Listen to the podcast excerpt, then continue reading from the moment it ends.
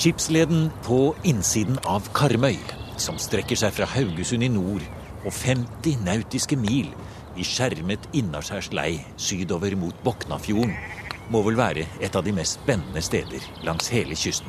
I hvert fall for alle som er interessert i historie og arkeologi. Her finner vi ikke bare middelalderkirken på Avaldsnes, men rester av landets største og mektigste gravhauger, både fra romertid og tidlig vikingtid. Og det er nettopp skipsleia som er nøkkelen til å forstå hvorfor dette området ble så viktig, sier arkeolog og professor Dagfinn Skred. Et veldig godt sted å begynne historien om Avaldsnes, det er å begynne med navnet på landet. Norge. Hva er det for noe? Det er et helt annet slags navn enn alle andre lands navn som jeg vet om. For alle andre land, iallfall mange, da, har en endelse som har med territorium å gjøre. England, Sverige, Danmark. Det er marken, jorden. Men eh, hva er Norge? Hva slags navn er det? Jo, det er helt, noe helt annet. Det er navnet på en ferdselsvei. Det beskriver jo nesten en reise. Ja, det gjør det. Ja. Det gjør det. Det er ferdselsveien langs kysten. Den skjermede seilingsleden langs kysten.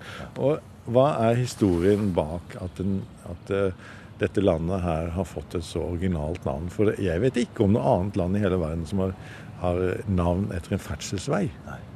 Og hva er historien? Jo, her skal du høre. Alle andre steder så, er, så, blir land til ved at eh, ja, det sitter sånne stamaristokratier rundt omkring. Og så er det en eller annen, et av dem som får for seg at nå skal vi eh, eh kaste oss opp og bli herre over de andre. F.eks. i Danmark så er det danene, som antagelig har holdt til på øyene der, som tar kontroll over Jylland f.eks., som er jydenes land, og lager det som blir et kongerike av en europeisk middelaldertype. da. Og i England så er det, så er det Wessex, ikke sant, med Alfred, som kaster seg opp og blir konge over, over det hele. Og ta, legger under seg de andre småkongenes riker. Men historien i Norge er en annen. Historien her er at ja, vi har ryger, vi har horder, vi har Syngler, vi har vestfaldinger. Vi har mange stammer, grener, egder. Vi har mange stammer rundt omkring langs kysten i Agder og Hordaland og Rogaland og Sogn og sånn. Men det er ikke en av de som kaster seg opp og blir herre over de andre. Det er noen som finner ut at de kan sette seg ved seilingsleden. Ja. Og hvis kontrollerer vi seilingsleden, så kontrollerer vi landet. Og det skyldes Norges topografi. At disse her stamområdene de er sånn, i hvert fall her på Vestlandet, at de er sånn at skal du, skal du noe sted, i hvert fall hvis du skal ha med deg noe særlig, så må du ut i båt. Og det har både med, med Det var viktig å ha sånne kontakter, både for å, å har kontakt med andre mektige og selv bli mektig, men også pga. økonomi, handel. Det å, å, kunne få tak i gilde ting og få avsetning for de tingene man produserte.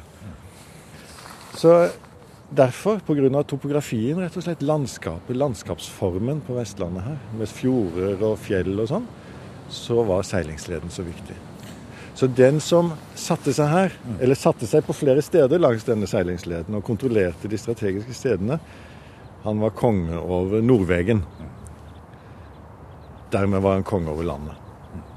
Så Norges første konger var sjøkonger. De var ikke landkonger, de var sjøkonger, de. De, deres maktområde var sjøen, og skipet var deres maktverktøy. Vi står sammen med professor Dagfinn Skre fra Kulturhistorisk museum i Oslo, like ved middelaldermurene til kirken på Avaldsnes, og ser utover Karmsundet. Litt lenger nord i sundet ligger restene etter Storhaug, hvor det for 100 år siden ble funnet rester etter ett av disse maktredskapene som Dagfinn Skre forteller om, skipet. Og herredømme, bosetting og besittelse, for å låne en tittel fra Dagfinn Skres forfatterskap, er det det handler om når Dagfinn Skre og et stort lag arkeologer skal starte nye utgravninger her på Avaldsnes. Vi skal etter hvert komme tilbake til planene for de nye arkeologiske undersøkelsene. Men siden vi står omtrent oppe i restene etter Skandinavias rikeste jernaldergrav, Flagghaugen, må vi dvele litt ved selve stedet litt til og la vinden gjennom det historiske Karmsundet inspirere oss. I dag er det jo pent vær, og vi står og nyter det. Og vi ser dette flotte vestlandsværet. Hører sauene som går her, sola skinner så det spraker. Men vinden også, den uler rundt hjørnene her. Det skal ikke så mye mer til før det blir ganske utrivelig på utersida. Men se her, Dagfinn. Det er jo helt stille og pent. Her, og det er god seilvind gjennom her. Ikke noe problem. Og det er hele poenget. Det blir noen steder langs kysten som peker seg ut som sånn helt utrolig gode steder. Og dette er vel det aller beste av dem alle. Ja, det er, det er, et par ting å si om akkurat det der. Denne øya den er jo veldig spesiell. Den er langstrakt, ikke sant. Og i dag kaller vi den Karmøy. Den I middelalderen og vikingtid også ganske sikkert så er den kormt. Mm. Og det, det, er det samme ordet som karm. Altså vinduskarm. Mm. Det er noe som står og sperrer for noe utenfor, ikke sant. Ja. Så den er en beskyttelse mot havet utenfor. Og det, så det, det, er akkurat den der funksjonen du nevner, det at den skaper en veldig fin sånn skjerma seilingsled på innsiden, som har gitt den navn, rett og slett. Og havet utenfor her, det er eh, det er veldig utsatt for, for havbårer og kraftig vind og sånn. Men det er også veldig ruskete. Altså Det er mye skjær og små øyer. Det er farlig for alle. Veldig vanskelig sted ja. å passere. Ja. Så her skulle man bare ønske at det var mulig å komme på innsiden og gå. Ja. Og det er det. Ja, det er det. Men uh, da måtte man holde seg til venstre med den som satt her på Avaldsnes. Men det er en, en, grunn til at, eh, at uh, mektige satte seg her gjennom 3000 år, faktisk. Eh, det er at her er det mulig å dyrke mat. Og det er ikke så veldig mange steder langs denne, denne seilingsleden at det er noe særlig dyrkbar jord. Eh, men akkurat her på Nordkarmøy her er det en del jordbruksareal. Ikke så mye kornmark akkurat, men veldig mye godt beiteland. Og, og vi ser det av eh, middelalderens jordgodstakster her på Karmøy at det var Eh, det var veldig godt. Rikt, rikt område, dette her. For i, i vikingtiden, da, og før også, skulle du, skulle du holde folk, så måtte du ha mat. Og mat er veldig Det krever mye logistikk å frakte det langveis, så det skal man helst dyrke lokalt. Så disse her tidlige kongsgårdene som da eh, vi ble kjent med gjennom sagaene, og særlig Snorre, de ligger langs seilingsleden det er fem stykker av dem. De ligger langs nær seilingsleden alle sammen. Og de ligger i disse her lommene der hvor det er mulig å dyrke mat. De ligger på Utstein. De ligger her på Avaldsnes. De ligger på, eh, på eh, Fitjar eh, altså nord eh, på Stord. Og så er det Alrekstad, og så er det Seim nord for Bergen. For en flott rekke av navn du nevnte der. De er som Snorre Saga stiger frem bare gjennom navnene. Men som du også sa, Dagfinn, vi, vi går bare litt utover her. Eh, det er jo 3000 år, sa du, med senter her. Og det er rart å tenke på når vi nå går her på dette området mellom gravene her på Avaldsnes at 3000 år med senter Er det noen andre steder i Norge som, hvor det er en så permanent eh, og rik eh, historie, som er dokumentert, i hvert fall? Nei, det er det ikke. Og det, du kan utvide det til Skandinavia. Ja. Det er ingen eh, skal jeg si For å si det litt teknisk, da, sånne maktseter eller sånne eh, kongsseter eller sentralplasser som har en så lang varighet. Ingen. Den, en, det, en av de lengste som jeg kjenner til, det er, det, er det, det, stedet som ble oppdaget for ikke så mange år siden, faktisk. Oppåkra utenfor Lund. Der man har ca. 1000 år fra litt før Kristi fødsel og til omkring 8000 etter Kristus. Men her er det altså 3000 år. Riktignok episodisk. Ja. Eh, vi har ikke, vi har ikke veldig eh, prestisjefylte funn fra hele perioden. Men de eldste er altså fra slutten av steinalderen, sånn eh, 1700-1800 før Kristus. Ja, det er steinalder også, ja. ja. Det er det. Ja. Ja, ellers og er det, jo bronsealder på Reheia der, og det er romertid i flagghaugen. Ja. Og så skipsgravene da fra vikingtiden. Ja, og så er det flere andre. Eh, den der ja. Jomfru Maria Synål, den svære bautaen som står der, som er 28 meter lang, den eh, har antagelig Det er eh, vel i hvert fall Norge, så en av Skandinavias høyeste bautasteiner. Den er sannsynligvis del av et et gravminne fra yngre romertid eller folkevandringstid med fem sånne steiner i en femkant. Men så ble kirken bygd, og så ble de andre fjernet. Men vi har en rest av en, en til på andre siden av kirken, og så er det da beretninger om rester av andre der. Så det har antagelig vært en sånn fem femkant. Det, skal, skal, vi gå bort og gjøre det du gjorde ja. når du var ung gutt her, Dagfinn, og se hvordan det står til med med verden, hadde jeg nær sagt. Ja, da bodde jeg med, eh, på mine besteforeldres hytte inne i fjordene her som guttunge hver, hver, sommer. Ja. Og de var, de var, opptatt av historie og kultur. Og, og, da syklet vi ut hit. De hadde jo ikke bil, dette var på slutten av 50-tallet og begynnelsen av 60-tallet. Da syklet vi ut hit. Og for bare for å konstatere at jomfru Marias synål ikke, ikke hadde kommet nærmere kirkeveggen. Ja, for da, da går jorda under, kanskje? Ja, den gjør det. skjønner ja. Og nå går vi helt inntil kirkeveggen her. Vi, det rusker og blåser ja, i håret vårt. Ja, det er en 10-12 centimeter å gå på ennå. Da har vi Ja, nå har jo du fulgt det altså siden ja, i mange, mange tiår. Syns du det har kommet noe nærmere? Nei, jeg kan ikke være sikker. Jeg, kan, jeg husker ikke så godt, vet du. Men uh, jeg tror vi skal rekke å bli ferdig med dette programmet, i hvert fall. ja, men det er det er morsomt. Ja, men det er fint. Men eh, da trenger ikke vi så veldig mye mer tilpasning. Prosjektmedarbeider Mari Østmo fra Kulturhistorisk museum går rundt på den gruslagte parkeringsplassen syd for kirken på Avaldsnes og forbereder noen av de mange praktiske tingene som må være på plass før sommerens gravesesong. Planleggingen har gått over flere år, og det opprinnelige boplassområdet fra jernalder til tidlig vikingtid man ønsket å grave i, er etter den endelige tillatelsen fra Riksantikvaren redusert til ca. en tredjedel av det totale boplassområdet, eller omtrent elleve mål som skal avdekkes. Og på forhånd har man gått igjennom de forskjellige prøvegravningene som Arkeologisk museum i Stavanger har gjennomført, sier Mari Østmo.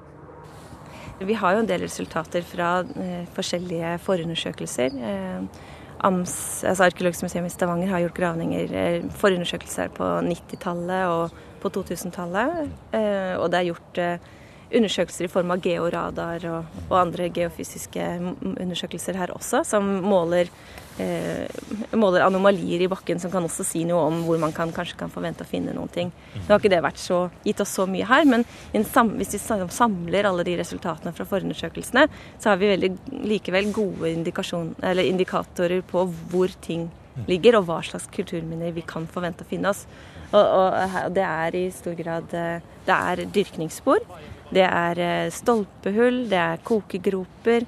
Eh, og, og, slike ting vi finner på i, bebyggelsesområder fra jernalderen. Ja. Så blir da spørsmålet eh, hva slags bebyggelse det er. Og det kan vi jo ikke svare på før vi graver. Nei.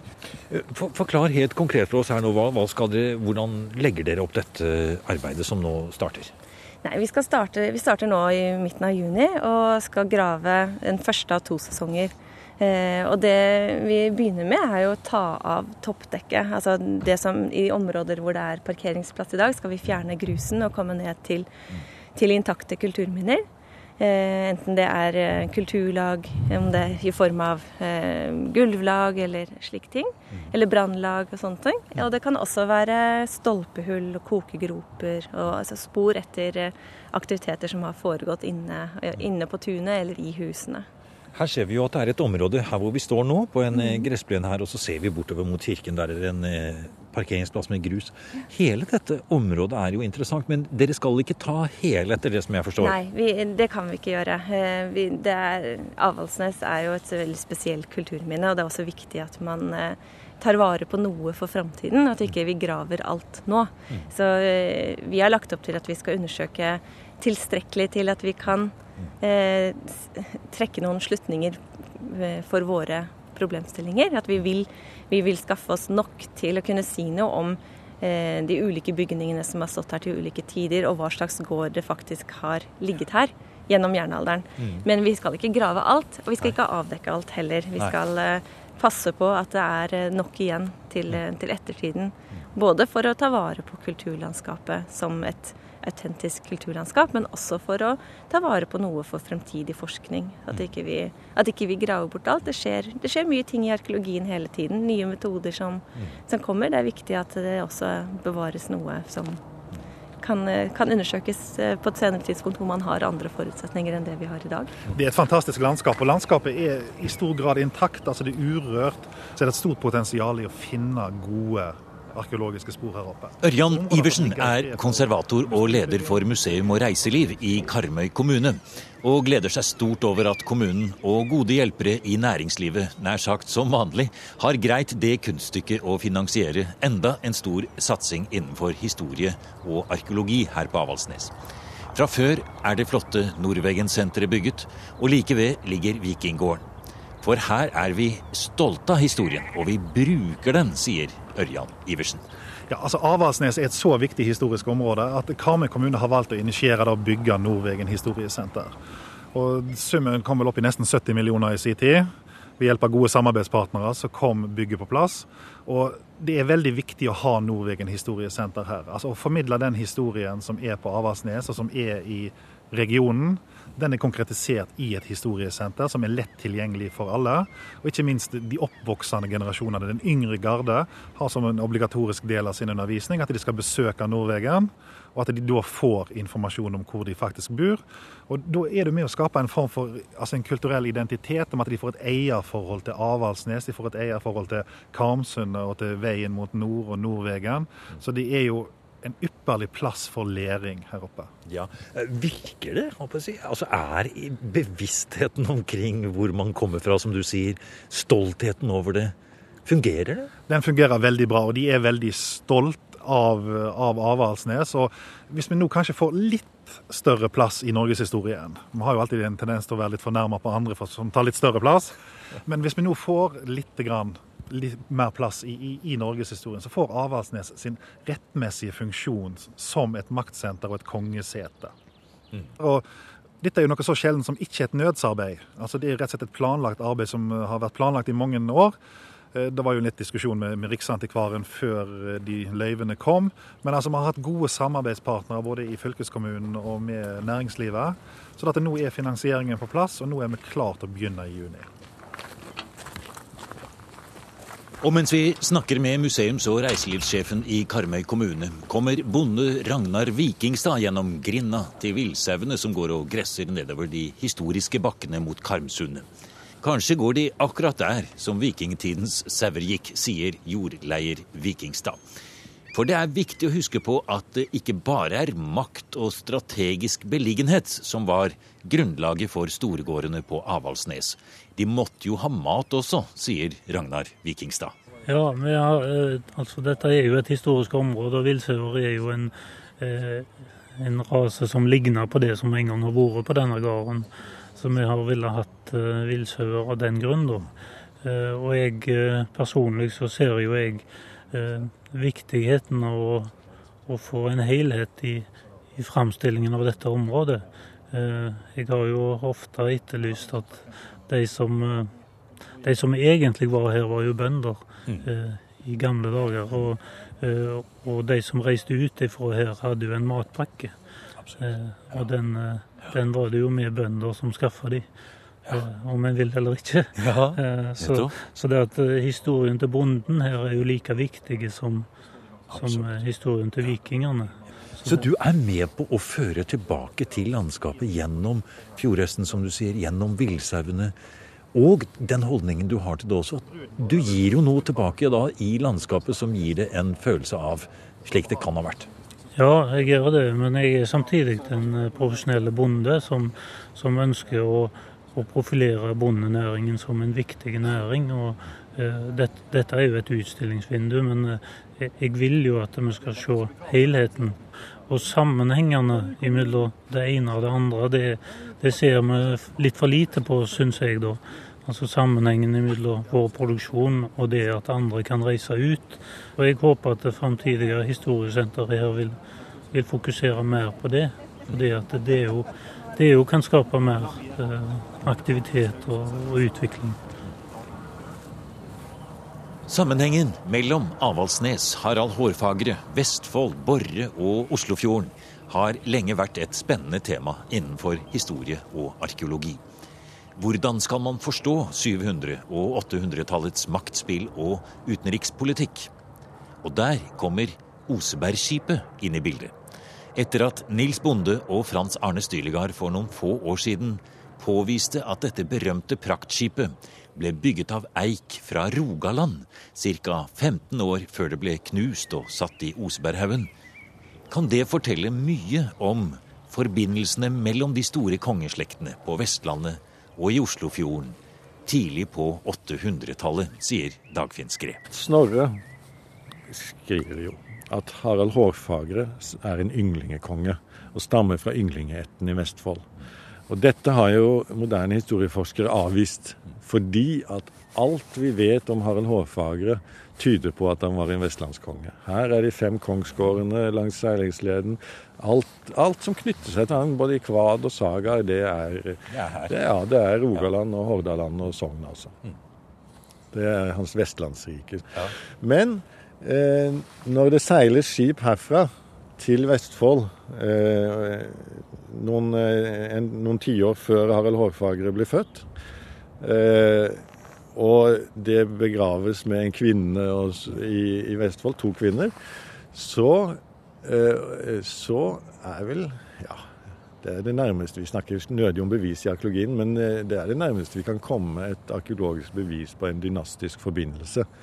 Altså giftermålsforbindelse mellom etter, mektige etter i dette området hvor vi nå er, og Vestfold.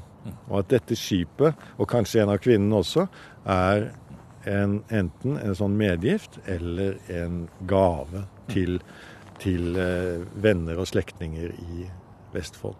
Så sånne, inngift, sånne inngifter mellom aristokratiske slekter, det er jo noe vi vet ble brukt aktivt for å skape allianser. Så det at Harald har sitt rike her, og, og Snorre skriver at han er en yngling. Det, det, kan være riktig likevel. Han bør ikke være født i Vestfold av den grunn, Nei. men det kan være etterforbindelser. Det er, det, det er påvisningen av Osebergskipets eh, byggested til dette området som gjør at vi kan trekke en sånn forbindelse. Det er forresten en, en annen forbindelse også, som nettopp min kollega Jan Bill ved, ved Kulturhistorisk museum i Oslo, som er ansvarlig for Vikingsamlingen, han arbeider nå med Gokstadfunnet og arbeider bl.a. en masse dendrokronologi der. Han har eh, nylig påvist, sammen med sin dendrokronolog eh, som han arbeider sammen med, at eh, den ene av de to færingene i Gokstadskipet også er bygget her. I samme område som Osebergskipet. Og Gokstadskipet er bygget på slutten av 800-tallet, altså i Harald Hårfagres tid. Da går det færinger Altså Færinges ror, man jo ikke rundt, uh, rundt uh, kysten. Nei da, de er, den er, må være fraktet på et skip. Ja. Og den kan godt være en gave, den også. Ja, uh, I Harald Hårfagres tid. Men når dere nå skal gå i gang med dette store prosjektet her, som skal strekke seg kanskje over flere gravesesonger, hvilke, hvilke altså, forventninger har du til hva dere vil gjøre? Avdekke i helheten i området her. Ja, ja. Altså Når en kjenner, de der, kjenner til Avaldsnes og alle de fantastiske funnene i området, og stedets betydning, og at det er nevnt i sagaene, så er det jo lett å få veldig voldsomme forventninger. Men det jeg er veldig opptatt av nå, når vi står her og skal begynne å grave om bare noen få uker, det er at nå, nå må vi legge alt det der til side alle, alle forventninger og alle sagaberetninger og alt må vi legge til side. Og så må vi konsentrere oss, vi som skal drive med dette her, om å lytte til Avaldsnes. Om å la jord, jorden her fortelle sin historie uten at vi kommer og trer alle mulige slags tolkninger nedover hodet på jordlagene og stolpehullene og steinene før vi har undersøkt dem. Det er, det er, det jeg tenker mye på nå for tiden. Fordi at arkeologien eh, taler ikke alltid med så veldig kraftig stemme. Og skal man høre den og høre nyansene i den, så må man eh, sørge for at det er stille omkring en, mm. og stille i hodet. Og så må man lytte godt og tenke grundig over det man hører. Og så, når vi har de resultatene, så kan vi trekke inn alt det rike kildematerialet fra sagaer, fra skaldekvad og fra den øvrige arkeologien her, for å se hva slags eh, hvordan disse kildene kan spille sammen, og om det er noen sammenhenger. Ja, for Poenget da, også da i bakgrunnen for det du sier her, det er jo da selvfølgelig at dette stedet er så utrolig mye mer enn f.eks. en kongsgård, eh, Harald Hårfagre, konkrete eh, håper å si, tilknytninger der. Det er helheten, alt sammen, du er ute etter. Og du vet ikke helt hva som kommer. Og som du sier, nå får vi se hva det blir, da. Så, Mm, så får ja. vi heller vente med det, konklusjonene. Ja, Vi vet jo det vi skal grave er jo boplassen på Avaldsnes. Og vi har eh, nok undersøkelser her som Arkeologisk museum i Stavanger har gjort helt fra begynnelsen av 90-tallet, til å vite at uh, den boplassen den etableres omkring Kristi fødsel, kanskje litt grann før. Og så Den begynner eh, et stykke innpå flatene her, og så flytter den seg da gradvis utover i folkevandringstid, romertid og folkevandringstid, framover mot det, det området som, som eh, der hvor prestegården lå opp til eh, 1800-tallet. Og det er det som nå er parkeringsplassen foran kirken. Så vi har en boplass som begynner ved Kristi fødsel, og som varer helt fram til i dag, faktisk. altså.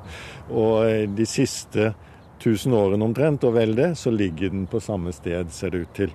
Nemlig parkeringsplassen der ute. Og det er der vi skal begynne å grave i midten av juni i år. Du har nå hørt programmet Museum som podkast fra NRK. Museum sendes i NRK P2 på lørdager og søndager. Du finner flere programmer på nrk.no podkast.